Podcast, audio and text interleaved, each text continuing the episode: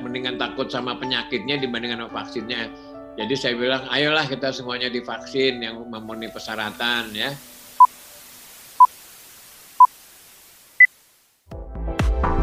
You're listening to KBR Prime, podcast for curious mind. Enjoy. Podcast AADC. Podcast AADC. Ada apa dengan COVID-19? Segera dimulai. Pastikan perangkat audio Anda terdengar jelas.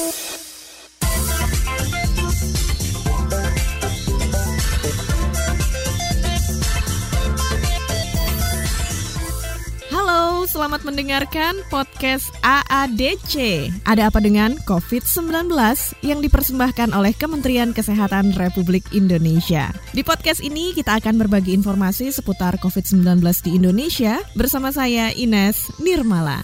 Saat ini angka kasus COVID-19 di Indonesia terus meningkat Data dari situs gugus tugas COVID-19 menunjukkan angka kasus positif COVID-19 sudah mencapai lebih dari 1 juta kasus di awal Februari 2021 ini. Salah satu upaya untuk menekan laju penambahan kasus positif COVID-19 di Indonesia adalah dengan penyediaan vaksin dari pemerintah. Keberadaan vaksin gratis ini diharapkan dapat melindungi masyarakat Indonesia di tengah pandemi. Badan Pengawas Obat dan Makanan atau BPOM juga sudah memberikan izin penggunaan darurat atau Emergency Use Authorization kepada vaksin COVID-19 Sinovac dari Tiongkok yang tergolong vaksin virus mati dan juga sudah disuntikan kepada presiden, pejabat publik dan juga tenaga kesehatan yang nantinya vaksin ini juga akan disuntikan kepada masyarakat. Tapi sudah seberapa paham kita dengan vaksin? Kita akan bahas tentang hal ini di episode perdana podcast AADC Ada Apa Dengan COVID-19 dengan tema mengenal vaksin COVID-19 dari pemerintah. Dan di episode perdana ini kita bersama dengan narasumber yang sangat kompeten di bidang vaksin yaitu Profesor Kusnandi Rusmil, Ketua Tim Riset Uji Klinis Vaksin COVID-19 serta Guru Besar Fakultas Kedokteran Universitas Pajajaran Bandung. Apa kabar Prof? Hari sehat ini semuanya ya, sehat ya. sehat semuanya untuk kita. Jangan ke mana-mana, jaga jarak, pakai masker, sering Betul. cuci tangan. Nah, itu dia yang efektif untuk menangkal COVID-19 ya, Prof. ya, karena nggak ada jalan lain. Nah, ini Prof yang mau kita obrolin seputar program vaksinasi COVID-19 di Indonesia. Ini kita tahu sudah sejak awal tahun 2021 ini, sejak bulan Januari sudah dimulai program vaksinasi ini. Bisa dijelaskan Prof, apa sih pentingnya vaksin COVID-19 dan program imunisasi ini? Terima kasih. Jadi program imunisasi itu pentingnya adalah untuk memberikan kekebalan terhadap orang divaksin. Nah, kalau kita individu kita udah kebal, maka lama-lama kelompok juga akan jadi kebal. Umpamanya kita kekebalan individu, kita kebal. Cuman sekeliling kita juga diimunisasi sehingga terjadilah kekebalan kelompok. Kalau terjadi kekebalan kelompok, lama-lama di situ udah nggak ada penyakit. Jadi mula-mula umpamanya kekebalan di Jawa Barat, semuanya diimunisasi, Jawa Barat itu kebal. Terus Indonesia, kalau semua diimunisasi ya Indonesia semua kebal gitu ya. Terus kemudian seluruh dunia semuanya kebal. Tapi itu syaratnya untuk kekebalan begitu kita harus memberikan imunisasi antara 60 sampai 80 persen. Sehingga eh, dengan begitu cukup yang tidak ke imunisasi itu juga akan ikut kebal ya oleh karena ada kekebalan kelompok tadi. Ya jadi pentingnya adalah imunisasi untuk menimbulkan kekebalan pada seseorang. Udah itu akan terjadi kekebalan kelompok sehingga kalau terjadi kekebalan kelompok lama-lama endeminya akan hilang, lama-lama penyakitnya akan hilang. Nah, juga pemerintah sudah memilih vaksin dari Sinovac untuk didistribusikan kepada masyarakat Indonesia. Sebenarnya apa ya, Prof, yang mendasari pemerintah memilih vaksin Sinovac ini? Kan kita di Indonesia itu punya pabrik vaksin kan kita, Bio Farma. Itu pabrik vaksin kita itu udah dari zaman sebelum Belanda, pada waktu zaman Belanda itu udah ada. Hmm. Nah, jadi udah memproduksi vaksin. Nah, Bio Farma kerjasama dengan Sinovac. Jadi Sinovac itu ngelihat itu ya, dia kerjasama dengan Bio Farma. Dan Bio Farma tuh nantinya dia akan bikin vaksin, kemudian akan menjual vaksin tentunya gitu, karena dia pabrik vaksin. Nah, sehingga karena pabrik vaksinnya Bio Farma yang ada di Indonesia dan Bio Farma kerjasamanya dengan uh, Sinovac dari Tiongkok sehingga ya Bio Farma nunjuk kita di Unpad untuk melakukan uji klinis Hmm. sehingga kita kerjasamanya dengan Bio Farma dan Bio Farma dengan Sinovac. Orang Sinovac sendiri pimpinannya udah pernah ke Bandung eh, untuk uji klinis ini dia lihat dulu apakah Bandung ini karena Sinovac itu kan perusahaan yang besar jauh lebih besar daripada Bio Farma. Dia pengen lihat apakah Unpad ini memenuhi persyaratan nggak untuk uji klinis vaksinnya dia gitu loh. Dia juga nggak mau gagal kan. Iya. Jadi dia lihat uh, semua perlengkapan-perlengkapan kita dan sebagainya. Akhirnya dia setuju sekali. Oke, saya- saya mau mengandalkan di sini gitu loh. Uji Iya. klinisnya di kita. Mm-mm. Jadi seperti itu ya. Ah. kenapa akhirnya yang dipilih vaksin Sinovac ini? Ya betul. Selain di Indonesia, juga dia kerjasamanya juga dengan Brasil, Turki, Bangladesh, dan Chili. Nah, kalau sama Indonesia ada kerjasamanya dengan Bio Farma, kemudian dia nunjuk Unpad untuk melakukan uji klinis ini. Nah, Prof, yang penting juga untuk kita ketahui adalah bagaimana cara vaksin bekerja di dalam tubuh kita. Terus siapa aja yang bisa divaksin dan siapa saja yang juga tidak bisa divaksin. Jadi cara kerja gini, vaksin ini kan virus mati dari COVID-19 itu dimasukkan dalam badan kita. Kemudian dia akan merangsang. Siapa yang dirangsang? Yang dirangsang itu adalah sel-sel limfosit yang ada dalam badan kita. Di badan kita tuh ada sel-sel yang untuk bikin antibody, antibody namanya sel limfosit. Sel limfosit itu ada dua, limfosit T dan limfosit B. Nah itu akan merangsang uh, antibody sehingga terbentuklah antibody. Jadi yang yang membentuk antibody itu adalah sel-sel dalam darah kita yang disebut sel T limfosit dan sel B limfosit yang dibikin di sumsum tulang kita. Sumsum tulang kita itu yang bikin sel T dan sel B limfosit. Terus yang bisa divaksin dan tidak bisa divaksin siapa aja, Prof? Tentu yang bisa divaksin itu adalah orang-orang yang sehat ya, yang tidak punya penyakit, gangguan imunologi, orang-orang yang tidak sedang makan obat yang menyebabkan gangguan imunologi. Jadi orang-orang yang tidak komorbid sebetulnya ya, yang tidak sedang komorbid, yang sedang tidak sakit. Tapi kalau orang yang komorbid dalam keadaannya sehat ya, stabil, itu memang sasaran imunisasi sebetulnya. Karena kalau umpamanya dia kena penyakit, dampaknya akan lebih berat lagi gitu.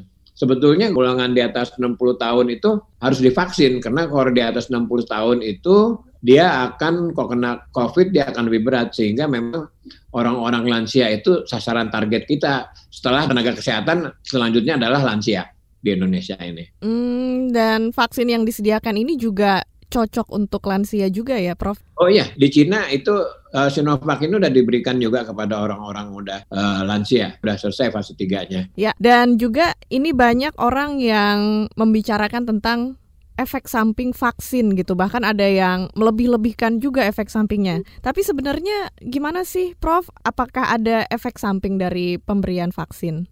Tentu ada, karena ini merupakan hal yang wajar, karena tidak karena uh, kalau kita lihat pemberian vaksin itu ada reaksi yang kita sebut reaksi lokal dan reaksi sistemik.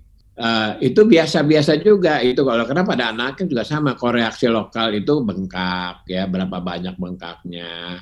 Kemudian merahnya berapa banyak diukur. Ya pada umumnya itu pada hari kedua tuh pada hilang ya. Panasnya juga nggak begitu tinggi tapi yang sistemik itu lemas badannya gitu dan gatal itu semakin. Nah itu kalau yang sistemik itu juga sedikit sekali gitu loh yang yang beratnya. Ya. Dan yang paling berat itu memang ada ya kurang lebih satu juta satu orang itu akan pingsan oleh kena reaksi anafilaksis. Itu sejak itu secara perhitungan begitu secara teoritis. Jadi setiap satu juta orang disuntik itu oleh karena dari badannya sendiri ada reaksi yang menimbulkan reaksi hipersensitivitas namanya akan terjadi shock ya, shock anafilaksis. Nah itu kejadiannya kemungkinan dari satu juta satu ya. Jadi begitu disuntik dia jatuh gitu ya, e, mendadak jatuh nggak kuat atau sebagainya. Nah tapi itu udah diperhitungkan oleh kita, walaupun kejadiannya satu juta satu gitu ya. Ya. Tapi e, di semua tempat penyuntikan itu udah disiapkan pertolongan pertama kepada orang-orang yang yang akan mendapatkan reaksi, kemudian alat transportasi untuk uh, mengirim ke rumah sakit yang lebih besar itu juga udah disiapkan gitu ya. Karena kalau kita melakukan 10 juta dosis, artinya di seluruh Indonesia pada waktu yang bersamaan, pamannya nantinya ya, 10 10 juta dosis, itu ada 10 yang pingsan. Mhm. Itu apa- akan terjadi seperti itu karena secara statistik begitu. Itu disebabkan memang ada orang-orang yang tidak kuat untuk diimunisasi, makanya ditanya-tanya di meja 4. Di meja 4 itu eh, disuruh tunggu 30 menit kalau setelah diimunisasi. Ada nggak yang pingsan gitu loh. Kalau pingsan itu langsung ditolong dan dikirim ke rumah sakit. Oh. Emang kejadiannya itu udah satu juta satu orang. Ya, ini pingsannya bukan karena takut jarum suntik ya, Prof ya? Oh bukan, karena dia itu oleh karena memang dari dirinya sendiri gitu ada alergi gitu. Nggak, nggak bisa dihindari itu memang secara statistik memang ada seperti itu. Iya. Jadi kita siap-siap. Makanya di tempat di tiap suntikan tempat suntikan itu udah ada orang yang akan menolong, udah ada alat transportasi. Kalau terjadi hal itu, itu langsung dikirim. Karena kalau terjadi gitu aja, kemama dalam sehari, ada yang pingsan, pamannya di Jawa Barat satu, di Jakarta satu, Surabaya satu, kemudian di Aceh satu, itu ribut koran pada itu, waduh pada Iya. pingsan gitu loh. Walaupun kejadiannya satu juta satu, secara Betul. statistik begitu gitu loh, Nah. nggak bisa dihindari itu. Betul, Prof. Bisa dijelaskan juga apa sih sebenarnya yang ada di dalam vaksin Sinovac ini kandungannya apa gitu, Prof? Jadi kandungannya itu adalah eh, kuman yang dimatikan. Kan itu kan inactivated. Mhm. Itu ada ada kuman yang dimatikan, ya. Nah, kuman yang dimatikan itu dicampur ya sama zat pelarut ya. Aluminium hidroksida, kalsium hidroksida semuanya itu supaya stabil, nggak cepat rusak. Nah, itu yang disuntikan ya. Mhm. Nah, jadi kuman yang dimatikan dicampur zat pelarut, zat pelarut itu aluminium hidroksida, zinc hidroksida ya. Nah, itu dalam satu dosis itu kan kita ngasih satu dosis 0,5. Itu berisi 600 unit ya, itu ya, per setengah cc kan kita nyuntiknya. Itu isi isinya 3 mikrogram. Ya 3 mikrogram isinya. Jadi sedikit sekali ya 3 mikrogram. Bayangin kita eh, nimbang 3 mikrogram kan susah amat tuh dicairkan ya. Itu masuk dari jadi setengah cc isinya 3 mikrogram. Nah itu yang disuntikan ke badan kita setengah cc itu Iya. satu ampul isinya setengah cc Mm-mm. Nah, Prof, apakah vaksin COVID-19 ini bisa melindungi kita secara jangka panjang gitu? Terus seberapa ampuh juga vaksin COVID-19 melindungi seseorang dari penularan? itu harapan kita kalau bisa seumur hidup ya seumur hidup kalau bisa tetapi uh, vaksin yang inactivated ini yang dimatikan itu itu biasanya tidak akan terlalu lama ya biasanya suntikannya nggak bisa sekali minimal harus dua kali ya karena suntikan pertama itu tubuh kita baru mengenal vaksin setelah suntikan kedua baru terbentuk zat anti nah zat anti terbentuknya tuh mulai dua minggu setelah suntikan kedua sampai satu bulan suntikan kedua jadi kalau orang ada yang disuntik kemudian dia timbul sakit, COVID satu minggu setelahnya, tandanya sebelum disuntik sebenarnya sudah tertular. Eh, Cuma nanti dia penyakitnya tidak begitu berat lah seperti itu. Nah, setelah seseorang menerima vaksin nih, Prof, selanjutnya apa sih yang harus dilakukan setelah dapat vaksin ini? Apakah artinya memang sudah kebal? Berarti kan tidak kebal 100% ya, Prof ya? Walaupun kita udah merasa kebal ya, tapi kan di badan kita ya, di masker kita ya, di baju kita itu yang di zona merah seperti Bandung, Jakarta itu virus itu ada di mana-mana, nempel di badan kita, ya. Makanya kita harus selalu pakai masker, jaga jarak, sering cuci tangan, ya. Jangan ngumpul-kumpul itu supaya nggak kena. Karena itu ada di mana-mana. Kita belum mengenal banyak lah tentang virus ini, jadi kita harus hati-hati. Walaupun udah diimunisasi, kita tetap pakai masker, jaga jarak, sering cuci tangan, menghindari keramaian itu. Iya. Nah, Prof, terus juga mungkin Profesor juga bisa menjelaskan sebenarnya bagaimana mutu dan keamanan dari vaksin Sinovac ini sekaligus untuk menangkal hoax yang beredar luas di masyarakat seputar keamanan vaksin ini bisa dijelaskan, Prof? Ya, sekarang kita udah lihat ya, yang diuji klinik di Bandung itu ada 1.620. Kemudian yang udah divaksin di seluruh Indonesia ada um, udah mulai udah jutaan ya. Kan nggak terjadi apa-apa tuh. Mm-mm. Kan nggak terjadi apa-apa kan. Iya. Nyaman gitu loh. Ya, walaupun dalam perkiraan kita dari sejuta itu ada yang pingsan. Itu perkiraan secara statistik.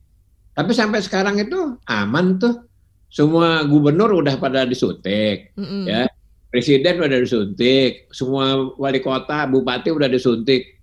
Itu semuanya aman tuh. Ya, bener aman itu. Mhm. Ya, jadi kita nggak usah takut lah ya bahwa itu aman. Jadi kalau ada orang-orang ngomong hoax kiri kanan tentang vaksin, mendingan kita takut sama penyakitnya daripada takut sama vaksin. Karena penyakitnya udah jelas-jelas menyebabkan kematian. Yang dapat vaksin nggak ada yang meninggal sampai sekarang gitu loh. Indonesia udah berapa tuh yang kena penyakit? Udah lebih dari satu juta kasus di Indonesia. Nah, yang meninggal berapa coba? 29 ribu kasus sampai sekarang ini. 30 ribu kan artinya. Mbak? Nah, 30 ribu. Itu penyakit baru setahun ya? Iya. Baru setahun. Berarti sebulan berapa yang meninggal? 300. Sehari berapa yang meninggal? Banyak lah. Jadi itu mendingan takut sama penyakitnya dibandingkan sama vaksinnya.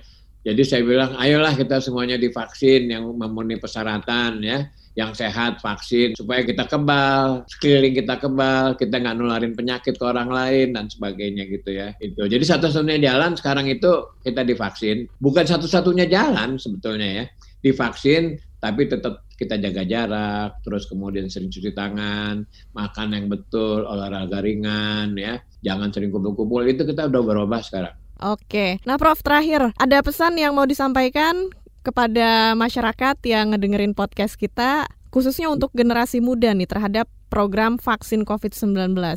Ya terutama generasi muda, generasi di mana kita menaruh harapan pada Anda sekalian ya supaya semuanya bisa berjalan baik, ekonomi berjalan baik, ya terus kemudian dapat uh, menunjang keperluan keluarga dan sebagainya. Jadi kita harus sehat. Makanya jaga badan kita dengan baik. Bagaimana caranya?